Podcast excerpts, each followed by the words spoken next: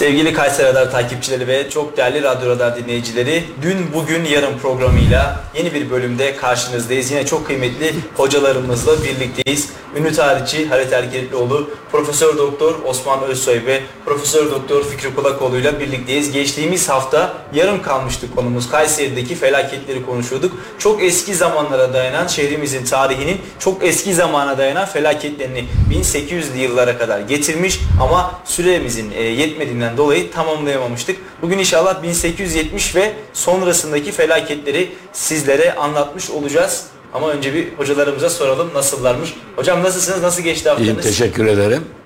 Osman hocam siz Teşekkür ederiz. Sağ olun. Hocam siz nasılsınız? Sağ olun, Geçtiğimiz- teşekkür ederiz. Geçtiğimiz hafta yoğun olarak Kültepe'deki felaketler hatta isminin de Kültepe'nin isminin de oradan geldiğini söylemiştik. Zelzeleleri konuşmuştuk. Halit Hoca'dan şiirleri dinlemiştik. E, deprem anında yazılmış şiirleri dinlemiştik ve Kayseri'nin geçmiş yıllarda tam 15 dakikalık bir depreme maruz kaldığını öğrenmiştik. E, bu hafta daha farklı konuları konuşacağız. Yani e, konu aynı ama biraz felaketler değişiklik gösterecek. Günümüze doğru yavaş yavaş bir e, başlangıç yapacağız. Bir girizgah yapalım. Halit Hoca ile mi başlayalım hocam ne dersiniz? Evet. Felaketleri konuşmak güzel bir şey değil. Ben bir an önce bu program bitse diye heyecanla bekliyorum. Bitsin istiyorum. Fakat felaketlerden ders çıkartmak gerekiyor. Dolayısıyla özellikle günümüzde e, depremler, Türkiye deprem kuşağında bilindiği gibi büyük fay hatları var. E, Bu deprem kuşağında tedbir alınması lazım. Yani bu tarihte bunları yaşadık. Çok pahalıya mal oldu insanlar için. Aynı şeyleri bir daha yaşamamak için bunları da anlatmamız lazım. E, Bir de mesela bu başlıkta gördüğümüz kadarıyla öyle derli toplu bir bilgi de yok. Yani Kayseri'deki felaketlerle ilgili işte sizin kitaplarda Kayseri tarihinde var. E, sağda solda var ama öyle derli toplu bir bilgi e, kronolojik olarak çok da rast- rastlamıyoruz. Evet. Felaketleri e, birkaç gruba da ayırmak lazım o başlarken. Depremler birinci sırada tabii ki. Arkadan kıtlıklar, çok büyük kıtlıklar var. Ee, yani Anadolu işte e, iklim şartları belli Anadolu'da. E, kara iklimi hakim. Dolayısıyla e, mevsim kısa. Tarlalar birden fazla ekilip bitkilemiyor Çukurova gibi. Mahsul yeteri kadar alınamıyor. Alınan eskinin şeyleri de revaçta olan maddeleri de genellikle arpa. Arpa çok yaygın arpa ekimi çevrede. Buğdaydan çok arpa var. Çünkü hayvan yemi olarak da kullanılıyor, insanlar da kullanıyorlar. Ve yonca, e, Kayseri yonca bölgesi ama onun da işte kıtlık olan senelerde, yağış olmayan senelerde e, onun sıkıntısı çekiliyor. E, e, Kayseri'de bir de Cehri'den bahsetmiştik geçtiğimiz günlerde. Cehri de önemli bir ihraç maddesi Kayseri'nin. Cehri siyah altın demiştik. Geçen hafta anlatmıştık. İşte boyanın ham maddesi. Anilin boyalar çıkıncaya kadar 1946'ya kadar Almanlar bulmuşlar. Ondan sonra Cehri terk edilmiş. Bu e, felaketler dizisine tabii kıtlıktan başka şeyler de var. Mesela savaşlar. Mesela çekirge istilaları. Mesela istilası tabii olmuş. tabii var şimdi biraz sonra 1892'lerde falan herhalde veya 70 o tam senesine bakarız şuradan. Ve e, e, tabii o fırtına vesaire onları şey etmemek lazım. Bir de Kayseri'de şunu da e, gözden kaçırmamak lazım. Depremler açısından özellikle e, evler hep birbirine bitişik. Taş evler ve yığma binalar hepsi. İki katlı pek az e, ev var. Tek katlı ve iki katlı. İyi ki de öyle yani da çok katlı olsa daha çok e, hasar verir. Fakat ufak bir depremde dahi betonarme olmadığı için, yığma olduğu için felaket oluyor. Mesela Cami Kebir, Kayserimizin en eski camilerinden bir tanesi. Biliyorsunuz Danişmetler zamanında Melik Mehmet Gazi'nin yaptırmış olduğu bir cami. 1134-1143 yıllar arasında yapılmış. Camiden Kayseri'deki felaketleri takip edebiliyoruz caminin tamiratlarından. Yapıldıktan 100 sene sonra yani 1134 veya 75 sene sonra 1205 yılında 1. Gıyasettin Keyhüsrev döneminde büyük bir depremin Kayseri'de olduğunu ve camiyi yıktığını birinci Gıyasettin Keyhüsrev'in yine akrabalarından Melik Muhammed'in akrabalarından Muzafferettin Mahmud'a onu tamir ettirdiğini ve minare ilave ettiğini biliyoruz. 1205 minare sonradan ilave edilmiş hocam. Tuğla minare. Ee, minarenin üzerinde şerefesi üzerinde bir kitabe var veya bir dua veya bir hadis-i şerif var. Küfiyatla yazılmış. O dönemin klasik yazısıyla yazılmış. Selçukluların klasik yazısı. Küfiyat, köşeli harfler biliyorsunuz.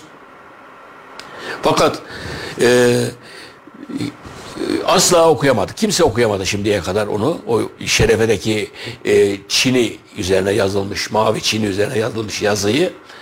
E, ben işte bu geçtiğimiz sene, bu sene içinde sene başlarında orada bir araştırma yaptım. Drone ile çekim yaptık. Hem e, videosunu çektik hem fotoğraflarını çektik. Yan yana getirdik. Kayseri'de bu işin mütehassıslarıyla, bu eski yazı okuyanlarla e, pat çat ben de okuyorum ama onlara da gösterdik. Hiç kimse okuyamadı. E, yazı, yani yazı Allah orijinal lillah, değil mi hocam? Yazının tahmin ediliyor ki yani oradan sonradan... Allah lillah bir iki kelime okunabiliyor ama bir bütünlük yok. Yani bir ayet mi, bir e, hadis-i şerif mi belli değil. O bir bir şey yani devşirme değil değil mi? Yani belki kelime-i tevhid mesela hı hı. mesela Gabriel şey etmiş kelime-i tevhid olduğu tahmin ediliyor demiş Gabriel. Hı. Öyle ta, tahmin etmiş sadece. O hiç okuyamamıştır. Onunla biz şey ettik. Dolayısıyla biz de fotoğraflarını koyduk kitaba. O mütehassıslar bir şey çıkartabilirlerse oradan çıkaracaklar. Bilmiyoruz tabii. Fakat şunu söylemek istiyorum. O depremde den sonra 1717 yılına da yani 1126 Hicri tarihli bir deprem var. Büyük bir deprem. Büyük bir deprem olduğunu şuradan biliyoruz. Doğu kapısında yani çeşmelere bakan kapısında tarihi zelzele diye bu tarihi yazmışlar. Kitabe koymuşlar. Tarihi zelzele 1126. 1717'ye falan geliyor aşağı yukarı. O tarihte caminin havanı olduğu gibi çökmüş. Çok büyük hasar olmuş camide. Bu depremleri camilerden takip ediyoruz. Çünkü kamu binaları ve camiler, dini binalar e, ancak e, muhteşem binalar yani muhkem binalar. Ötekilerden takip edemiyoruz hocam. Bu binalardaki zararlar kayıtlara geçmiş ayrıca. Yani dini binalar ve kamu binalar Dolayısıyla o tavanın çöktüğünü daha sonra öyle metruk halde kaldığını 9 sene kadar 9 sene sonra matbaa emini Hacı Halil Efendi tarafından tamir ettirildiğini, yaptırıldığını e, kuzey kapısında iki tane kitabe var. Orada belirtiliyor tamir tarihi 1135 olarak belirtiliyor. Yani 1126'da deprem olmuş. 1130 Hicri olarak konuşuyorum. 1135'te de 9 sene sonra da e, tamiratı yapılmış ve kitabe konulmuş oraya. E, fakat tamir edilmiş ama eskiden camiye e, daha camiye çok merdivenle inilirken ta, bütün tavan aşağı çöktüğü için ve o zaman da iş makineleri olmadığı için zemini bulamamışlar orijinal zemini caminin ve mihrabı mihrabını da mihra, e, yani mihrap da gömülmüş tabi yarısına kadar o şeyden dolayı. O mevcut zemin üzerinde ibadete devam edilmiş. Ta 1950'li yıllara kadar. 1950 yıllarda işte e, e, şeyin Emin Molu, Faruk Molu'nun babası zamanında birkaç da hayırsever de bu işe el atmışlar ve e, iş makinalarıyla falan caminin zeminini tamamen ortaya çıkarmışlar ve işte e, mihrap da tam e, şeye kadar en zemine kadar ortaya çıkmış. Orijinal mihrabı değil, orijinal mihrap muhtemelen o dönem o zelzelede kaybolmuş. Çünkü orijinal mihrapın eski bir tane fotoğrafı var. 1800'lü yılların sonlarında. Fotoğrafın icabıdı 1839. Ondan sonra çekilmiş herhalde yabancıların çektiği bir fotoğraf. Onda o orijinal mihrap görünüyor. Üzerinde tabaklar var. Selçuklu Kütahya tabaklar var. Mihrabın üstlerine yapıştırmışlar. Ee, öyle orijinal bir mihrap. O, onu bilmiyoruz yani o fotoğrafın dışında baş bir tane fotoğraf var. Onun dışında bilmiyoruz ama bu mevcut mihrap o depremden sonra Gülük Camisi'nin mihrabı e, örnek alınarak o yapılmış. Üzerinde de gene küfi yazılar yazılmış. 1835 ve 1865 depremleri var. E, 1717 idi.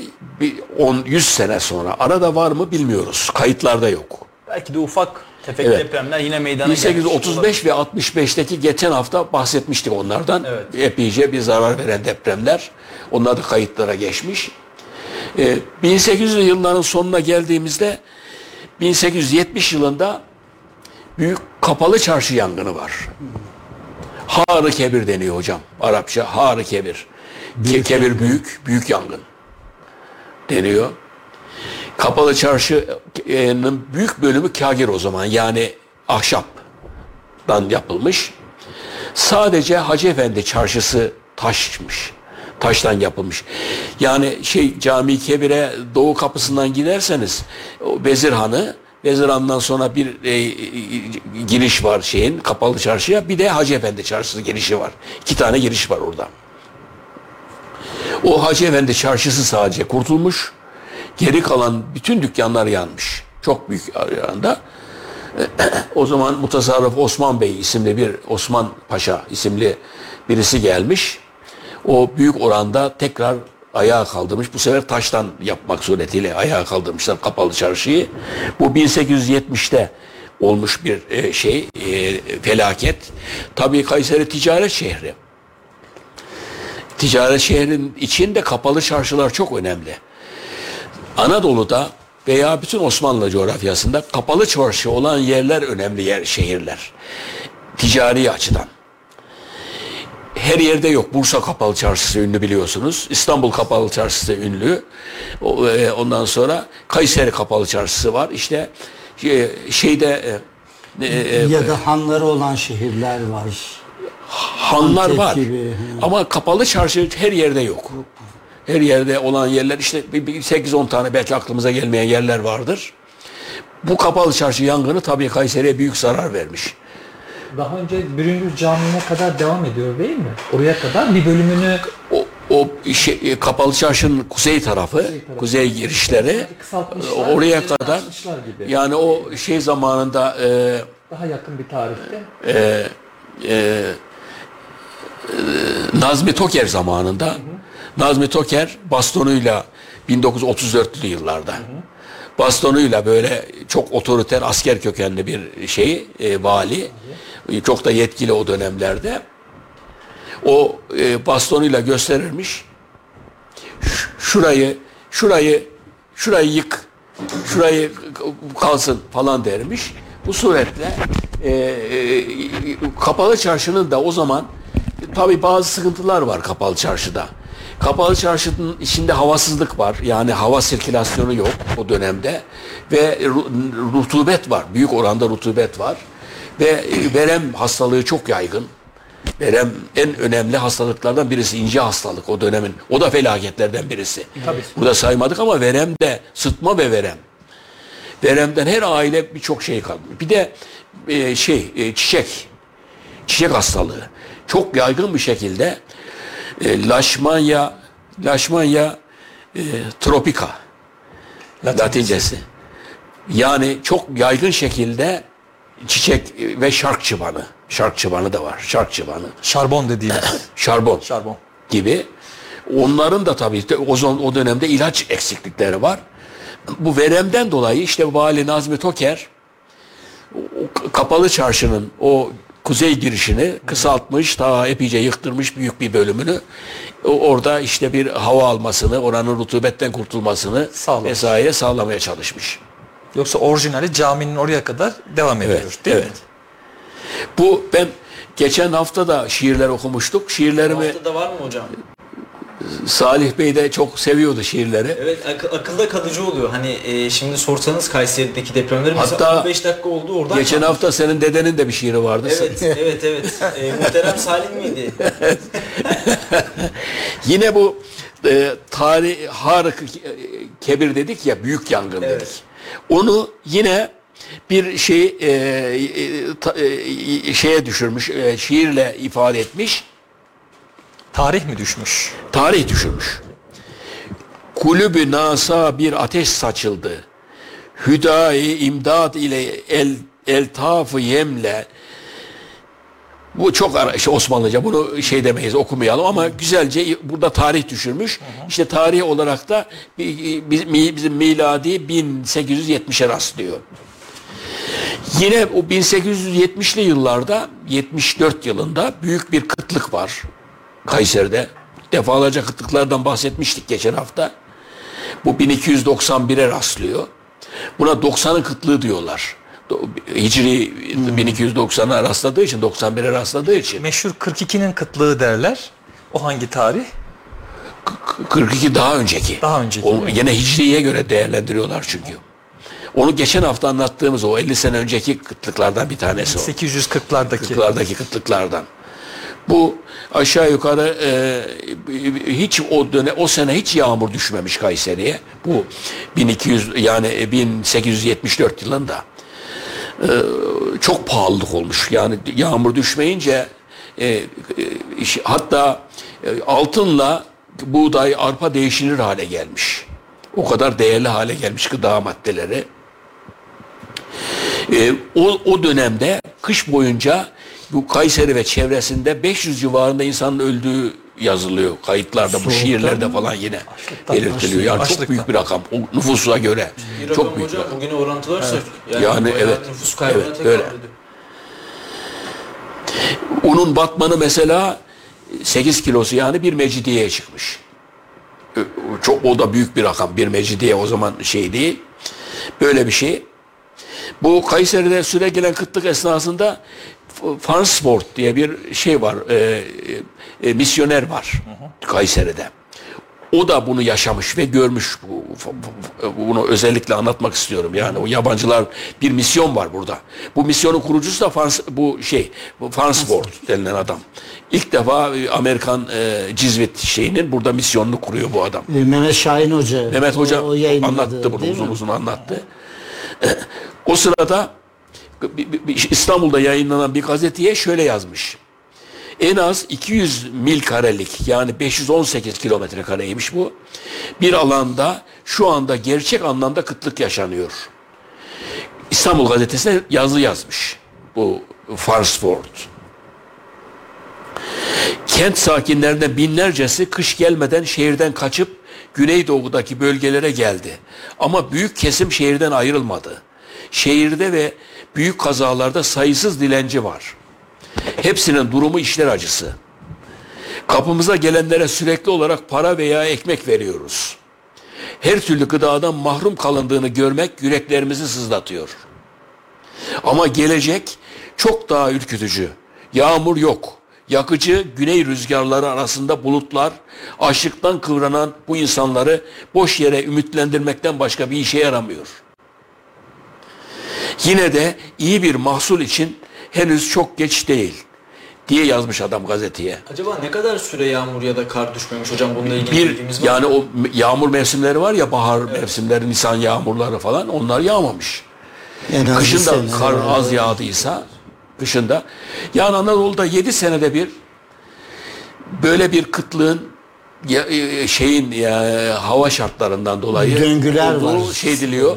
Kültepe döneminde de böyle var. bir döngü var mı hocam? Var var var. Aynı şekilde. Zaten e, bu bugünümüze mahsus değil. Daha önceki yani bizim eski çağlarda da benzer şey var. Zaten tüccarların yazışmaları var. E, kıtlıktan bahseden yazışmalar var. Ki Orta Anadolu coğrafya çok fazla değişmedi. Evet. evet. Ya binlerce yıldır aynı coğrafya. Yani o yıllardan beri bu kıtlık e, yani 7 senede bir böyle bir periyotla devam ediyor. Ya hatta daha uzun sürelerde olan bir şeyler var. Böyle döngüler var. Evet. Ben benim de şöyle bir bilgim var. Ee, yani 1500 1600'lü 1700'lü yıllardan itibaren e, güneşteki patlamalardan dolayı güneş lekeleri hı hı. var. Bunları birisi tesadüfen e, kaydediyor ve bölgedeki buğday rekoltesi ile e, güneş şeysinin arasında e, lekelerin arasında bir ilişki kuruyor. Daha sonra tutkulu insanlar bunlar. Bir 11 sene daha bekliyor. 11 sene daha bekliyor. 33 yıl boyunca her 11 yılda bir güneş lekesi olduğu zaman buğday rekoltesinde düşük olmuş. Evet. E, o günden bu tarafa da yani şeyin elinde insanlığın elinde böyle bir bilgi var. Muhtemelen işte birbirlerini tetikleyen aynı zamanda şöyle bir şey de var. E, tohumu toprağa atıyorsunuz. Tohumun e, tutması için veya işte canlı olarak kalabilmesi için uygun zamanda yağış alamamışsa daha sonra almasının bir anlamı yok. Yani genel problem burada. Ya güzün veya yazın ilkbaharda alamamışsa tam zamanında yazın alsa bile bir anlamı olmuyor. Siz anlatırken ben de acaba 7 yılı geçirdik mi dedim. Şimdi önümüzde Allah muhafaza bir kıtlık falan. En son ne zaman olmuştu acaba hocam hatırlıyor musun? Şimdi o kıtlıklarda Salihciğim şöyle bir durum var. Ee, ulaşım yok Anadolu'da. Yollar yok. Şose yollar, toprak yollar vesaire. Yani bir şehirde kıtlık olduğu zaman öbür şehirlere yardım gelemiyor. Şimdi mesela işte Ukrayna ve e, Rusya'dan gelen buğdaylar var ya dünyanın her yerine Afrika'ya bilmem nereye yayılıyor. Evet. Ulaşım geliştiği için oluyor bu. Şimdi o dönemde mesela bu, bu kıtlıkta, bu Farnsworth'un kıtlığında e, Sivas'tan Mehmet Ali Bey isimli Sivas'ın eşrafından bir insan o buraya büyük destek vermiş. Bir nebze yani bu kıtlığı önlemiş o bir tek adamın destekleri yardımlarıyla. Onun dışında yani Sivas'tan en yakın yerden 190 kilometre. Evet. Bu yani ulaşımın olmaması e, da bir sebep tabii bu şeylerde. Tabii günümüzde artık böyle bir sıkıntı çok gözükmez. Bu tabii bu kıtlık e, bir takım sosyal olaylara da sebep olmuş. Yani millet e, aç olunca işte zenginler tabii sıkıntıya düşmüşler. Mesela bir e, şey var Hasan Ağa var esnaf birliği para esnaf birliği dağıtıyor bu batı ve şeyi bir esnaf birliği var. Fakat onun adaletli dağıtmadığına dair bir kasap Osman Ağa isimli birisi e, anarşi çıkartmış, isyan çıkartmış. Çok zor bastırılmış bu isyan. E, o birlik dağılmış. Bu esnaf birliği dağılmış. Böyle sosyal olaylar da yaşanmış şeylerde. Bu şimdi 90'ın kıtlığı dedik. Bu yani 1874'e rastlıyordu. Ondan sonra tekrar felaketler devam ediyor tabii arka arkaya. E, bütün şartlar var felaketler için. Yani şehirde e, bütün Anadolu'da öyle. Hijyen şartları sağlanamıyor. E, foseptik çukurları var. E, kanalizasyon sistemleri yok. E, evlerde şebeke suları yok. Su e, şeysi var. Çeşmelerden ancak temin edilebiliyor. Mesela kanalizasyon için 1968 Çalık Mehmet Çalık Bey zamanına kadar şehrin kanalizasyonu yok değil mi? Evet, Bildiğimiz yok, kadarıyla. yok, tabii, tabii. Ee, ancak o zaman şehrin Tabii, kanalizasyonu tabii. hatta kanalizasyonu var ama çıkışı yine sarımsaklı suyuna. Evet. Değil mi? Evet. Evet. 1968'e kadar e, aslında Arıtma zaten yok. arıtma zaten yok. O Ya- bile büyük bir başarıymış o zaman. 68'de Tabii. kanalizasyonu yapmak, yani şehirdeki şeyi birleştirmek, oraya akıtmak. e, şimdiki anladığımız kadarıyla e, şehri boydan boya geçen o kanal demiş olduğumuz kanala Evet, bütün veriliyor. kanalizasyon veriliyor. Daha evveline dönelim hocam. Yani Halit Hoca yaşı biraz daha büyük olduğu için o dönemleri de bilir. Nereye gidiyordu hocam kanalizasyon yoksa? Foseptik çukurlarına gidiyor. Her o evin çukurları var. Tabii o da Çukur. yeraltı sularına karışıyor. Yeraltı sularını kirletiyor. Yani o e, su aşağı iniyor. O forseptik çukurlarına işte e, zaman zaman bazı şey ha, şimdi de yapıyorlar. Bağlarda yapılıyor. Gerçi her yerde su var ya şimdi. Mesela içine civa atarlarmış. Civa çok ağır bir metal olduğu için e, yol buluyor. Bir, bir şey aç, kanal açıyor ve e, forseptik çukurlarının şeysi oraya gidiyor. İkincisi mesela ciğer bağlıyorlar içine. Forseptik çukurun içine ciğer bağlıyorlar. Ciğer şeyi davet ediyor, kurtlanmayı e, davet ediyor. Kurtlanma oradaki tefessuatı da e, şey diyor, yok ediyor. Yani tabii yolla e, yok etmeye çalışıyor. Ama her şey tabii e, tam anlamıyla bir şey sağlanamıyor. E, bu, bu sebeplerden yani ulaşımın olmayışı, e, foseptik çukurlarına gittiği için yeraltı sularının kirlenmesi, yerle, şebeke suyu olmaması, Evlerde kuyu var değil mi? kuyular var ama kirli, iç, iç, içilemiyor. foseptik çukurlar da yan yana neredeyse. Çok yan yana değilse bile Olmasa o birbirine- tabii ki. herhalde yani Tabii. evler dibi olduktan sonra. Yani kuyu suyu mesela bizim eski evimizde vardı. E, bu hiç, hiçbir zaman içmek için kullanılmaz da işte çamaşırda falan kullanılırdı o sular. Yeraltı suyundan faydalanıyordu o kuyular. E, bir de bütün bunların üstüne Kayseri'de hayvancılık var. Her evde pastırma sucuk yapılıyor. Her o zaman mezbahalar yok, modern mezbahalar yok. Bu işler evde yapılıyor. 40'lı yıllara kadar değil mi? 1943-44'te Evet. galiba hatırladığım kadarıyla karpuz atana şehir içindeki şeylerin taşınması hemen hemen Bu işte Kavaklı benzinlik vardı Sivas Caddesi'nde. Caddesi'nde. O, oradaymış eski mezbaha. O, o, o küçük bir mezbaha orada. Oradan işte karpuz atanın modern tesislerine diye oraya götürülmüş. Şehrin çok dışında karpuz atan. Şimdi içinde kaldı orada. Orada şehrin içinde kaldı. 1940'lı yıllar. Daha sonra. Daha sonra. Daha, çok daha sonra. Daha sonra. 40'lı yıllarda bu orası faal. Şey yani bu kava, e, e, Kavaklı Kavaklı benzinin benzinin orası. arkası da şey. Şimdi PTT'nin falan lojmanları olan yer. bu, bu şartlarda felaketler kaçınılmaz oluyor. Bütün şartlar üst üste Hepsi de olanaklar. hep davet ediyor. Nasıl hocam temizlik yok, su yok. Yani aklıma şimdi geliyor bu oyuna. Bu hayvancılığın dışında bir de ilaç yok. Yani yeterli hastane hizmeti yok. Antibiyotikler keşfedilmemiş. Yani antibiyotiklerin penisilini falan keşf 1950'ler falan. 1930-40'tan önce şey yok. E, yok yani. E, o, o şimdi antibiyotiğin keşfiyle birçok hastalıklar önlenebildi.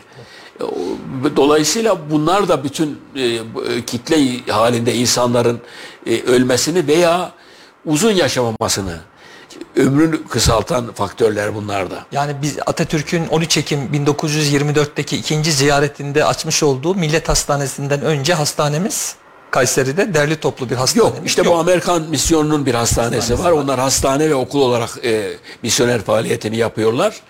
Onun dışında bir öyle hastane yok. hastanemiz yok. Evet. Daha sonra 40'lı yılların sonunda 40'lı devlet yıllarda hastanesi- Yunus Bekir Bey'in e, şeyiyle e, ön ayak olmasıyla Yunus Bekir Bey sağlık memuru aslında. Fakat muhteşem bir insan. Yani buraya Kayseri'de anıtı dikilecek, heykeli dikilecek bir insan. Her dakika anılması gereken Hocam bir çok insan. özür dilerim. Anıtı boş verelim. Yaşadığı eve gittik. işte Turan'da. Ee, evi bile harabe halde. İşte Eyvah. kendisi Kayseri'nin ilk gazetecilerinden işte şimdiki isim vermekte beis bulmuyorum. Acıbadem Hastanesi'nin en alt katındaki o konferans salonunu ilk yapan yani şu an konferans salonu ama o dönem hastane olarak yapılmış. Sayısız okul açmış, sayısız hastane açılışına yardımcı olmuş, vakıflar kurmuş, gazeteciliğin temellerini atmış, Erciyes gazetesini çıkarmış ve e, Turan'ın ismini de benden çok daha iyi bilirsiniz Turan yapmış. Dimitre, Dimitre. Dimitri Turan yapmış. Biz evine bile sahip çıkmamışız. Defineciler tarafından ev kazılmış. Ee, ben cemiyet başkanının yerine olsam, gazeteciler cemiyeti başkanı yerine olsam orayı güzel bir restore ederim.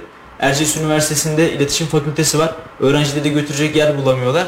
İşte böyle yerleri de değerlendirmiyorlar. Alır öğrencileri de oraya götürür. Bakın Kayseri'nin ilk gazetecisinin evi bu. Mezarı da zaten çok yakın bir noktada. Evet. Malum e, biliyorsunuz e, e, hocam Halit Bey derneğin başkanı Kültepe Koramaz Derneği'nin bir faaliyet olarak Koramaz Vadisi'nin küçük bir haritası yapıldı ve oradaki gezinin başlangıç noktası aslında Yunus Bekir'in evinin önünden başlıyor. Evet. Yani onu bilerek oraya şey yapmış olduk. Küçük oradaki başlayıp Neslihan Parkı'na kadar ki olan rota e, Yunus Bekir'in evinden başlıyor. Evet. Yani orası bence önemli bir nokta hocam. Ee, çünkü Kayseri'ye önemli kazanımlar bırakmış. İşte bugün Erciyes gazetesi binlerce sayı çıkartmış ve e, o gazetenin de ben ilk sayısını okumuştum. E, şey şöyle bir ifade var. Bir gazete çıkartıyoruz diyor ve e, isim bulmakta çok böyle büyük sıkı- sıkıntılar, zorluklar görmedik. Şehrimize e, işte heybetiyle bir renk katan Erciyes'in ismini malum gördük diyor. Öyle bir ifadesi var. Hakikaten dönemin şartlarına ulaşmamızda da bence iyi bir rehber. E, bence evine de güzel bir önem verilip restore edilse hepimiz için iyi bir kazanç olabilir hocam. Salihciğim bu konuyu açtığın için teşekkür ederiz. Yani gerçekten Yunus Bekir anılması gereken Kayseri'nin büyük insanlarından bir tanesi. Fakat Vali Muammer Bey'in de e, emeklerini esirgemek lazım. Çünkü o zaman e, e, Kayseri'ye gelen efsane valilerden bir tanesi. Evet. Bütün valilerimize örnek olması gereken bir vali. Hocam biz demek böyle insanların değerini bilemiyoruz. Mesela Vali Muammer Güler'e Kocaeli'de spor salonu yapmışlar. Vali Muammer Güler stadı diye spor salonu diye orada bir kompleks var. Yani Kocaeli nerede, Kayseri nerede? Sadece baş harflerimizin K olması dışında aynı bölgede bulunmuyoruz. Aynı coğrafyada değiliz. Ama onlar sahip çıkmış. Bizler burada siz olmasanız adını bile hatırlamayacağız Muammer Güler. Yani müthiş bir e, idealist insan. O Osmanlı'nın son dönemi ve e, Cumhuriyet'in başlarında e, gerçekten Kayseri'de e, birçok ilkokulu açan e, bir vali, e, ilk gazeteyi çıkaran vali, e, e, Türk Ermenileri diye Papa Eftim'i e, organize ederek burada e, Ermeni e, Ermeniler e, Türk Ortodoksları adıyla bir e, kilise kurarak bir kilise kurarak burada bütün. Orta Anadolu'daki patri, patrikleri buraya toplayarak önemli bir şekilde tam yani Yunan Harbi sırasında aktif şekilde burada e, milli mücadelenin yanında yer almış birisi. Bunu destek veren, buna destek veren bir vali. E, vali zamanında önemli park mesela şu andaki Gültepe Parkı onun zamanında yapılan bir park.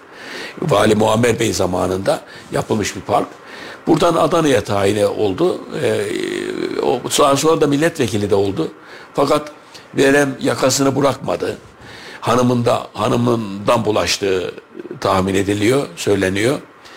Ee, son işte birinci meclisten sonra bu buraya geldi. Buranın havasının iyi olacağını düşünerek Reşadiye'de orada bir tanıdığı var. Bir Reşadiye'nin e, ileri gelenlerinden birisi.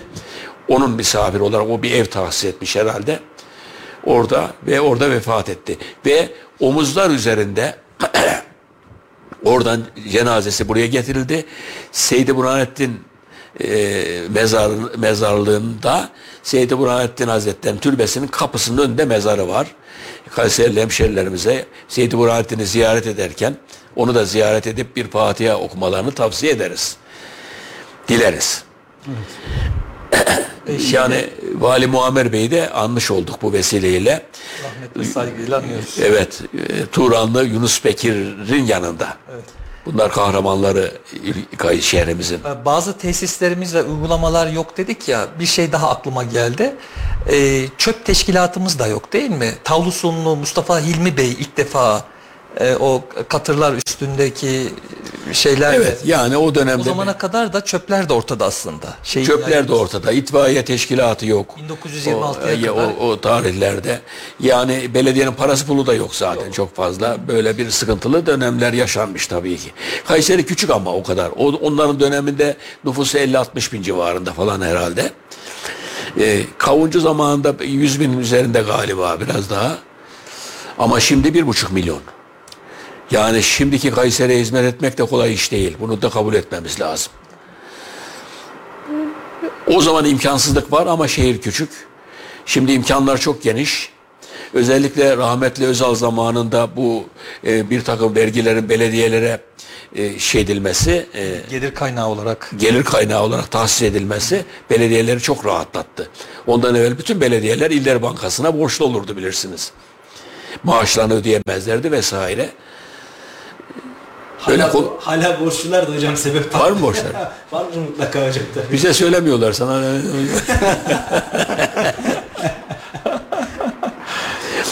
Şimdi bu kadar kıtlıklar, yağmursuzluktan falan bahsettik fakat 1800 yani o yıllarda 1890 yılı güz ayında 1892'de falan olmuş bu kıtlık. Yani bu şey daha önce.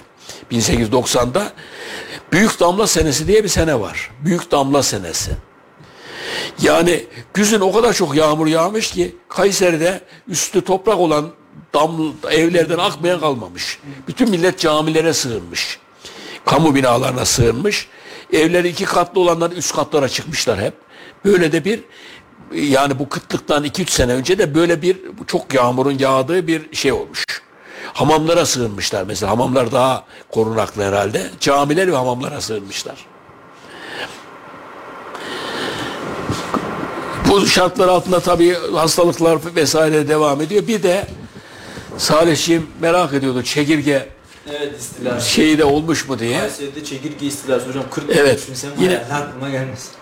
Yine bu bi- bi- 1900'lü yılların başlarında hemen e, şeyde bütün Anadolu'yu istila eden bir çekirge Arabistan taraf yani şeyden gelen Afrika'dan gelen bir çekirge bulutu gelmiş. Bulut gibi tarlalara indiği yeri kurutmuş böyle.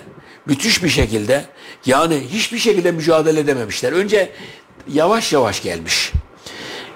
Küçük küçük şeyler halinde gelmiş önemsememişler. Fakat ondan sonra böyle müthiş bir şekilde ve iri bir çekirge cinsiymiş nasılsa.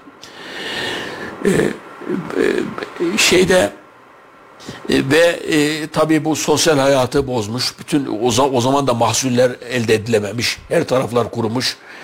E, Ankara vilayette aynı çekirge sü- sürüsünden şeyini nasibini almış. Onlar da öyle Kırşehir, Yozgat hepsi bütün Anadolu'da ya nasıl büyük bir e, Felaket. sürüyse, nasıl bir çekirge sürüsüyse bütün Anadolu'yu şey etmişler böyle.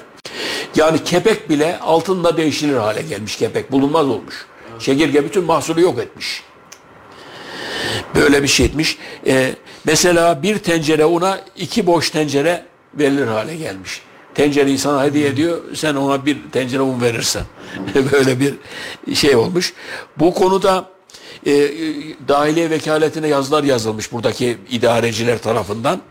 E, ve da, şey, Osmanlı Devleti o zaman tedbir olmak üzere bu işte yani o gerekli mücadeleyi göstermeyen o yavaş yavaş geldiği sıralarda de, şey ileri gelenler için Kayseri'ye ileri gelenler için de cezai hükümler şey etmiş, şiddetle cezalandırılmaları fetvasını göndermiş padişah. Bu bunda ihmali görülen memurlara falan. Yani devlet önemsemiş bu çekirge şeysine. Bu kadar önemli bir şey olmuş. Bu 1890'lardan sonra hatta 1860'tan sonra bir de Ermeni isyanı meselesi var Anadolu'da.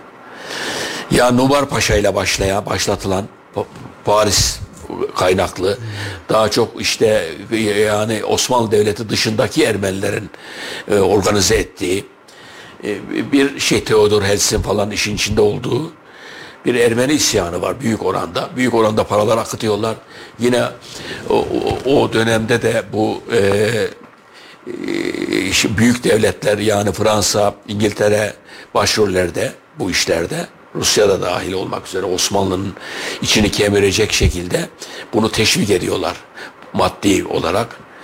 Ermeniler de milleti sadıka olarak 1860'lara kadar anıldığı halde e, hatta e, 1908'de meşrutiyetle birlikte biliyorsunuz çok miktarda Ermenilere ve gayri diğer azınlıklara da haklar verildiği halde ha- hareketlere başlıyorlar.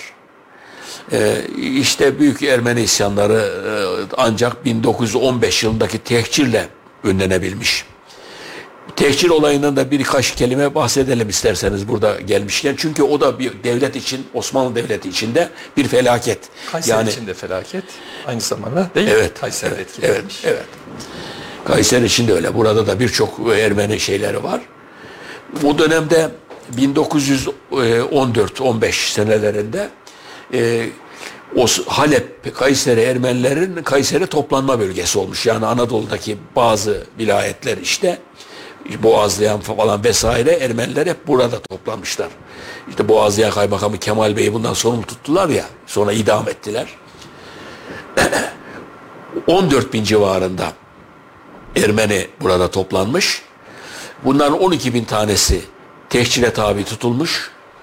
Tabi tehcir demin bahsettiğimiz gibi şehir, şehirler arasında yollar çok muntazam değil. Başındaki zabitler, askerler de aynı sıkıntıları yaşamışlar. Bu tehciri organize yanında koruma tehciri yapanlar. E, tehcir e, önceden ilan edilmiş Ermeni mahallelerinde. Mallarını satabilecekleri, devredebilecekleri, e, götürebileceklerini götürebilecekleri ilan edilmiş. Kolay bir iş değil tabii. Osmanlı'nın bir şehrinden bir şehrine yani Kayseri'den Kayseri Ermenileri Halep'e tehcir edilmiş. bir şehrine bir şehrine gönderilmiş. Buradaki Ermeni e, e, yoğunluğunu azaltma gayesi gidiyor. Hiçbir zaman bir soykırım değil. Yani tamamen bir tehcir olayı. Bütün ülkelerin yaptığı, bu böyle bir tehlike, devletlerin yaptığı bir olay yaşanmış orada. Fakat Osmanlı Devleti'nin en zayıf anları bunu yaptı diye 1918'deki Mondros mütarekesiyle e, e, onların hakları iade etmeye çalışmışlar. Ve işte e, şey, e, Kaymakamı Kemal Bey'in idam edilmesi de e, o sırada olmuştu. Bir yani bir e, fatura kesecek bir adam aramışlar. E, Diyet ve olarak. ve e, Boğaziyen Kaymakamına piyango vurmuş maalesef. Çok da e, muhterem bir insan, çok muhteşem bir adam, mazlum yani. Tam bir şehit. Böyle olaylar bu da devlet içinde ve Kayseri içinde keza çok önemli bir felaket. O Ermeniler de zarar görmüşler tabii bu işten ama şey bunun daha sonra 1924'te mübadele olayı var biliyorsunuz ama mübadelede Ermenilerden ziyade Rumlarla daha çok yani Yunanistan'la yapılan bir olay. Onun da faydaları olmakla beraber yani hem Yunanistan Yunanistan'da çok miktarda Türk nüfusu var hem de Osmanlı'nın içinde çok miktarda Rum nüfusu var. Hem bura e, Tü- Türkleşsin, saflaşsın hem Yunanistan saflasın diye iki tarafta bu işi Venizelos ve Atatürk bu işi şey görmüşler. Olumlu e, görmüş. olumlu görmüşler. Fakat sonuçları itibariyle olumlu olmamış tabii. Buradan Karaman Türkleri e, Rum diye Yunanistan'a gönderilmiş. Aslında Türk dinleri belki Müslüman değil ama Türk Karaman Türkleri Türkçe konuşuyorlar. Yunanlılarla hiç benzerlikleri yok. Orada da zaten dışlanmışlar. Hala oradalar değil mi hocam? Orada da dışlanmışlar Yunanistan'da da. gitmiştiniz galiba. Oradan da buraya Türk ve Müslüman olmayan, Müslüman olup da Türk olmayan Arnavutlar daha çok. Arnavut ağırlıklı kişiler gelmiş falan. Şimdi o yani tehcir olayı olmasaydı belki Yunanistan'da Türk nüfusu Yunanlı'dan fazla olmuş olacaktı. Bütün hesaplamalar. Yani şöyle bizim oraya gönderdiğimizin eee, ancak beşte biri mi Türkiye'ye gelmiş? Gel, gelmiş. O kadar arada bir şey var. Oran olarak farklılık var. Evet. Yani böyle bir sıkıntı yaşanmış. Bu arada tabii bu azınlıklar özellikle Rumlar falan e, el sanatlarında çok e, şehirde veya kuyumculuk vesaire gibi onlar da mahirler. E, maddi olarak da zengin grup onlar. Çünkü askerlik yapmıyorlar. Riaya hukukuna tabiler biliyorsunuz. Bu riaya hukuku askerlik yapmıyor. Bir şey ödüyor ama bedel ödüyor ama çok önemli değil ama zenginleşiyor tabii. Öbür e, Türk cephe cephe 7 sene 8 sene askerlik yaparken bunlar para kazanıyorlar. Onun için de bu şey mahallesinde lisenin arkasındaki Osmanlı mahallesi denilen mahalle Ermeni mahallesi çok güzel taş evler var hocam. Çünkü şehrin zenginleri onlar. Camcihan bilmem ne onların evleri biliyorsunuz oralar. Oralarda güzel e, şey, paraları var çünkü. İşte bunların bir kısmı bu şeyde tehcirle bir kısmı da mübadeleyle buradan gönderilmiş. Ee, bu içeri şar şey yapılırken, tahliye edilirken ee, oradaki mülk sahipleri o zaman Tavukçu Mahallesi'ne mi yönlendirilmiş? E, daha çok o taraf. Bu tarafa değil mi? Şey içeri şar değil hocam. Kale içi mahallesi var. Kale iç kale Ahmetek denilen yer yani. İç kalenin içinde bir mahalle var. Ee, içeri şarın içinde e, 19 tane mahalle var. O dönemde de öyle. Bu içeri şar kale içi mahallesi 1915'te bu Ermeni evleri boşalınca lisenin arkasındaki işte orada Bahçebaşı, Varsak, Tutak falan mahalleler var orada. O mahalleleri boşaltılınca oradaki evler bu kale içindeki kişilere verilmiş.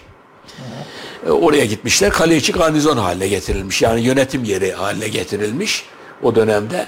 Fakat 1918'de 15'te olmuş bu olay. 18'de Ermeniler geri dönünce Mondros mütarekesinden e, cesaret alarak burada evlerinde Türklerin oturduğunu görmüşler. Bu birçok ihtilaflara sebep olmuş. Tabii karşılıklı atışmalar, münakaşalar, mahkemeleşmeler vesaire gibi şeyler olmuş. E, e, bunlar işte e, tarihin sosyal cilveleri olarak kabul etmemiz lazım. Var mı Osman Hocam sizin anlatacağınız?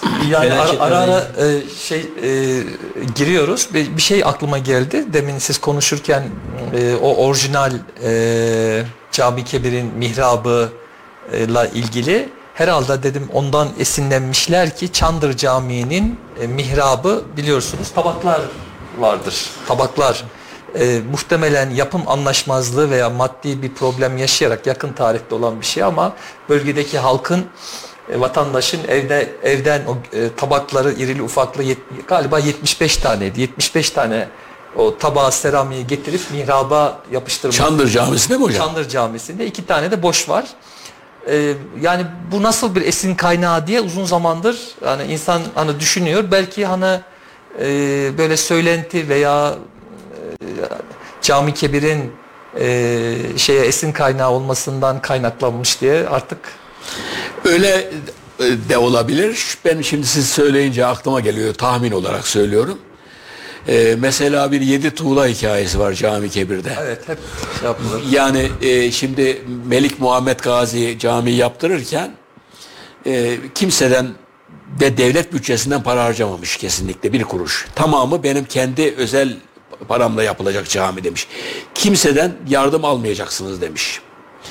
Melik Muhammed Gazi 3. Meli e, danışmentlerin babası Melik Gazi köyünde yatıyor. Burayı başşehir yapan Melik Muhammed Gazi. Melik Gazi adı da oradan geliyor zaten ilçenin birine ismi verildi. E, burayı bir İslam şehri halinde e, organize ediyor. İslam şehirlerinde yani bir Müslüman bir şehri bir e, ga- gayrimüslimlerden alındığı zaman ilk yapılan iş oraya bir cuma camisi yapılıyor. Genellikle büyük cami buna cuma camisi de deniyor. Cami Kebir veya Cami Kebir'in başka adı da Sultan Camisi de deniliyor. Melik Muhammed Gazi de o maksatla yaptırdığı o günün imkanlarıyla ama çok muhteşem bir cami. Bugüne kadar gel 900 sene geçmiş aradan. 900 senedir burada yaşayan depremlere dayanmış falan yıkılmış yıkılmış ama dayanmış. Böyle bir cami. o sırada işte bu kendi parasıyla yaptırırken bir kadıncağız gelmiş bir para vermek istemiş. Bir yardım yapmak istemiş. Veya bir tuğla getirmiş herhalde. Tuğla gibi. Oradaki oradaki e, ustabaşı da caminin şeyden mühendisi veya kovmuş kadını. Fakat gece e, rivayet olunur ki e, sultanın rüyasına girmiş. Sultan çok e, e, e, şeyle bir e, sıkıntı içinde uyanmış. Gelmiş bu olayı duymuş camide ne oldu anlayamamış. Derhal o kadını buldurmuş. O kadını getirdiği yedi tane tuğlayı caminin e, doğu kap- doğu duvarına koymuşlar. Doğu duvarında o tuğlalar duruyor. E, orada namaz kılınırsa görürler e, hemşerilerimiz. Birçoğu bilir, çok kimse bilir. E, şimdi o tabaklar da konulan tabaklar da acaba camide benim de bir bir katkım olsun diye oraya hibe edilen şeyler tabakları oralara koydular mı? O tabaklar da günümüzde antika Çok haline geldi. Çandır'da da öyle. Yani O günlerde belki değerli değildi ama şimdi çok değerli hale geldi. Öyle olduğunu düşünüyorum ben yani. doğru. O tabak şeyinin. Ya yani Anadolu'daki birçok camilerde var o tabak şeysi. Cami Kebir'de aynı zamanda şey de var değil mi? Ee, kuyu da var. Su kuyusu. Şimdi Cami Kebir'in o şimdi e, müezzin mahfilinin altında bir kuyu var. İşte ondan dolayı oranın bir kilisenin üzerine kurulduğu iddiaları var. Sanat tarihçiler ne diyorlar bilmiyorum ama böyle iddialar var iddia edene. Ayazma biliyorsunuz kilisenin içinde ayazma denilen şifa veren bir su kuyu oluyor muhakkak şeylerde. Bu, burada da öyle bir kuyu var. Üzeri halıyla kapalı şimdi. Kapağı var orada. Fakat e, oradaki hoca efendiler, Halil İbrahim Hoca falan biliyorlar orayı. Gösterdiler. Bana da gösterdiler. İşte on, onda onu görerek burası bir yani belki orada küçük bir şapel falan bir küçük kilise bir şey vardı yani bilmiyoruz. Tamamı kiliseden dönme diye iddia edenler olmuş ama bunu bütün sanat tarihçileri reddediyorlar.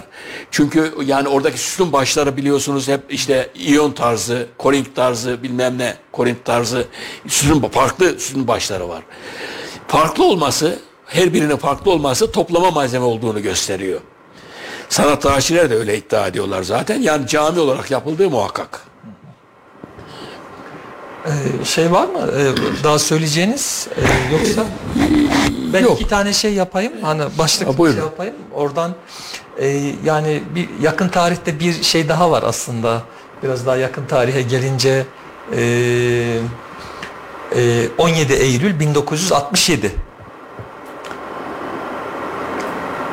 Ee, galiba 19. dakikada atılan bir golle Aa Sivas. Sivas. Onu bir açarsanız Ee, onu ondan evvel de şimdi siz deyince aklıma geldi. Son bir deprem var. 1940 yılında yapılan Develi depremi diyorlar. Ecemiş fay hattının harekete geçmesiyle Develi depremi var. E, çok miktarda e, e, hayvan telef olmuş. İnsanlar da ölmüş. Yani kaç kişi olduğunu şimdi hatırlamıyorum ama yani o Develi depremi e, günümüze en yakın, en çok e, şeyden zarar veren depremlerden bir tanesi. Ecemiş fay hattı bildiğiniz gibi Lut Gölü'nden başladığı söyleniyor. Büyük bir fay hattı. Güneyden gelen, Develi'den geçen, Erciyes'in e, e, doğusundan geçen, Erkilet'e kadar giden, şehirden geçen, Erkilet'in oradan işte batıya doğru dönen bir hat. Bu e, e, fay hattı. Bunun zaman zaman harekete geçmesiyle e, depremler oluyormuş. İşte bir tanesi 1940. Bu Sivas olaylarında da e, ben o zaman e, üniversitede okuyordum ama Kayseri'deydik. Yani bir Şubat tatili falan herhalde veya bir şey galiba. 17 Eylül. Eylül müydü abi? Veya yani buradaydım şeyde değildik. Duyduk ki yani bir koşarak geldi bizim komşu arkadaşlarımdan bir tanesi. Fe- Felaket dedi, acayip adamlar ölüyor dedi, bilmem ne dedi falan dedi böyle. Çok acayip şeyler oluyor dedi. Sonradan öğrendik ki işte iddialı bir şekilde gelen Sivas takımı Ondan da bir gün önce gelen Sivaslı hemşeriler şeyler e, hemşerileri futbolcuların Sivaslı halk e, o Sivas Kayseri arası yakın olduğu için çok miktarda gelmişler. Fakat bir gün önceden burada büyük şeyler yani huzursuzluklar da çıkartmışlar. Yani yemek yemişler, paralarını vermemişler falan sağda solda bağırmışlar, çağırmışlar, esnafla falan münakaşalar edilmiş. Bir gerginlik oluşmuş yani. Ondan sonra maç başladığında işte maç büyük heyecanla devam ederken e, bir gol oluyor. O golü Oktay, futbolcu o, futbolcu Oktay e, Oktay golü attıktan sonra da güya onların ifadesine göre bir el hareketi falan gibi bir şey yaptı diyorlar. Öyle yaptı mı yapmadı mı bilmiyoruz. Bunun üzerine taşlaşmalar başlıyor. E, karşılıklı. E, o- bunlar onlara atıyor, onlar bunlara atıyor. Şimdi o Sivaslılar şey açık tribünün şey tarafında, kuzey doğu tarafındalar. O- O zaman e, e, stadyumun kapıları içe doğru açılıyormuş. Dışa doğru açılması gerekirmiş. İçe doğru açıldığı için o kapının boşluğuna sığınmaya çalışıyor. Kuzeydoğu dediğiniz şey değil mi? Yani büyük şehire bakıyor. Şeye bak Büyükşehir Belediyesi'ne bakıyor. Yani Doğu Sivas kuzey- o, kö- o köşedeki bakıyor, kapı. bakıyor. Orada hepsi oraya doluyorlar. Kapı açılamıyor. Kapı açılamayınca yukarıdan taşlar falan da gelmeye başlıyor. Bunlar da onları atmışlar daha önce. Böyle olunca da orada önde olanlar yani e, ilk başta olanlar boğularak ölmüşler. Yani bu işte doktor raporlarıyla da sabit E, 38 veya 41. 41 mi ya öyle galiba öyle Yani Öyle. taraftarlar havasızlıktan orada hayatlarını kaybetmişler. Ezilerek. boğulmuşlar. Yani bildiğimiz kadarıyla da gerek Kayseri için hatta gerek Türkiye için değil mi bir e, futbol veya spor müsabakasında En çok önemli. En çok fazla ve fazla- fazla. Ya bu tabii e, yani Kayseri ile Sivas kardeş şehir ikisi. Tarih boyunca öyle olmuş. Ee, Sivas'ta çok miktarda Kayserili tüccar vardı o tarihe kadar. Ee, Kayseri daha çok ticaretle uğraştığı için Sivaslılar da buraya çalışmaya geliyorlardı vesaire. Mesela Şargıçlar Sivas'a bağlı ama hep burayla bağlantıları var. E, Gemerek keza öyle. Yani Sivas'a bağlı ama hep burayla Kayseri ile irtibatları var. Bütün onlar, bütün o şeyler zarar gördüler. Bütün onlar da Sivas'ta büyük oranda yani bir acı çektiler tabii. O 40 kişi, 40 41 kişi ölmesi demek onların aileleri var, kardeşleri var, babalar, anneleri var. E, kolay bir iş değil gerçekten. E, o dönem yani o senelerce sürdü bu Sivas Kayseri arasındaki bu gerginlik. hatta bizim buradan Sivas'tan geçen otobüsler veya Kayseri plakalı araçların e, Tahrip sıkıntı etti. yaşaması vesaire hep yaşlandı evet. zincirleme değil mi? Etkiledi. Çok şükür ki günümüzde inşallah unutuldu gitti Son yani. final müsabakası da İstanbul'da oynandı. Kayseri Sivas karşı karşıya geldi. O maçtan önce de görmek istemediğimiz tabloyu ara ara böyle gördük. Taşlanan otobüsleri gördük ama e, sükunet günün sonunda sağlanmayı başarmıştı. E, bazen devlet de yani bu işi yönetenler de yanlış karar verebiliyor hocam. İç Anadolu'nun iki büyük şehrin iki takımı oynuyor. E, aynı güzergahı kullanarak İstanbul'a gidiyorlar. E, onun yerine daha yakın bir şehirde bu işi halledebilmek varken, Ankara gibi bir orta yolu bulabilmek varken bazen yönetenlerin de hatası koca koca şehirlere mal olabiliyor. Şimdi biz yani Kayseriler olarak Sivaslıları severiz. Yiğit o. Yiğitler biliyorsunuz. Yani Sivas Spor'u da kendi e, takımımız gibi düşünürüz. O kadar şey deriz. İstanbul'da, Ankara'da e, hemşeri arayışının içinde ol, olduğun zaman Kayseri'yle bulamazsan Sivas'ta en yakın hemşerindir senin. Yurt dışında hele Sivaslı kendi mahalle komşun gibi. O kadar. Onlar da bize öyle hissettiğini zannediyorum ben. Ee, yani Sivas'la Kayseri arasında bu türlü olay olmaması gerekirdi. Şanssızlık olarak kabul etmemiz lazım. E, bir de şey e, demin Develi deyince belki yine hatırlarsınız. E, 80'li yıllarda bir e, Ayvasacı'da hatırlıyor musunuz? Şöyle Mart ayı gibi falandı bir heyelan oldu. E, böyle e, bir dağa e, şey Evet. yapmış e, Ayvasacı adını hatırlayayım. Evliya Dağı. Evliya Dağı'nda çok yağmurdan dolayı orada bir heyelan oldu. Yanlış hatırlamıyorsam ya 40 kişi ya 60 kişi e, 8-10 e, şeyin A- aile. aile e, büyük şey olarak ev olarak tamamı toprak altında kaldı. 80'li yıl hatta tam 80'di. Yani öyle hatırlıyorum ben. E, o da büyük bir felaketti. Yani bu bölgede o şeyde çapta e, bir felaket herhalde yaşamadı. Yani hiç duyulmamış bir şey heyelandan böyle bir e, Bazı yerlerde 40 43 kişi yazıyor, bazı yerlerde 60 yazıyor. Hani hakikaten nedir bilmiyorum tam şey ama büyük bir Bir, bir, bir de yine bu e, şeylerde tös olayları var. E, artık geçmiş zaman tarihe mal olduğu için anlatabiliriz tabii. E, o, TÖS'ün Türkiye Öğretmenler Sendikası. Burada Fakir Baykurt Başkanı o zaman. Burada bir kongre yapmak e, üzere Kayseri'yi seçiyorlar. Fakat önceden Kayseri'de hiçbir salon ona kiraya vermiyorlar. O, o- o, e, kongreyi yapma üzere iki, para ödedikleri halde vermiyorlar. Alemdar sinemasıydı galiba. Daha sonra işte bir araya adamlar girmek suretiyle Alemdar sinemasını tutuyorlar. Fakat bu, e, bu arada e, işte bir e, bir dedikodu yayılıyor halk arasında. E, komünistler vesaire diye o zaman komünizmle çok şiddetle şey var. Kayseri tabii komünizme karşı hassas o dönemde çok hassas. E, ve sanayiden başlayan bir hareket orada binlerce kişi bir araya geliyor. Bir anda alevleniyor bu iş. E, ve şeyi e, Alemdar sinemasını basmaya geliyorlar. Fakat hemen orada hem Alemdar sinemasının karşısında o zaman şey var. ale- Yani Ordevi var. Karşı, Ordevi'nin karşısında veya Alemdar sineması diyelim şimdi yok oldu. Oraya sığınıyorlar e, gelen delege öğretmenler. E, yapamıyorlar kongreyi. Bu- sefer o kalabalık Tok Kitap Evi diye bir kitap evi var. Sol kitapları satan daha ziyade oraya yönleniyor. O kitap evini tahriba, tahrip ettiler, yaktılar. Tamamen şey ettiler. Adamlar zor kurtuldu sahipleri. Ee, sonra o Tok Kitap Evi'nin oğlu e, Mustafa Tok avukat oldu. Ee, bizim dönemler aşağı yukarı ben hatırlarım. Onlar dava açtılar falan ettiler. Devletten misliyle aldılar oradaki zararlarını. Yani o yakılan kitaplarını vesaire misli fazlasıyla aldılar. Bunlar felaketler, bir şehrin yaşadığı felaketler, sosyal olaylar. Ama yangın. ölüm olmadı değil mi? Efendim yok, olmadı, ölüm yok. Ölüm olmamış. Ölüm olmadı. Felaketin ucundan dönmüşüz hocam ama felaket sayılabilir. Evet. Maddi bir felaketmiş devlet için.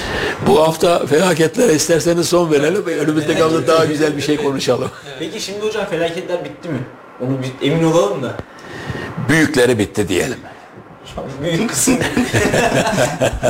Peki. Bitti bitti artık.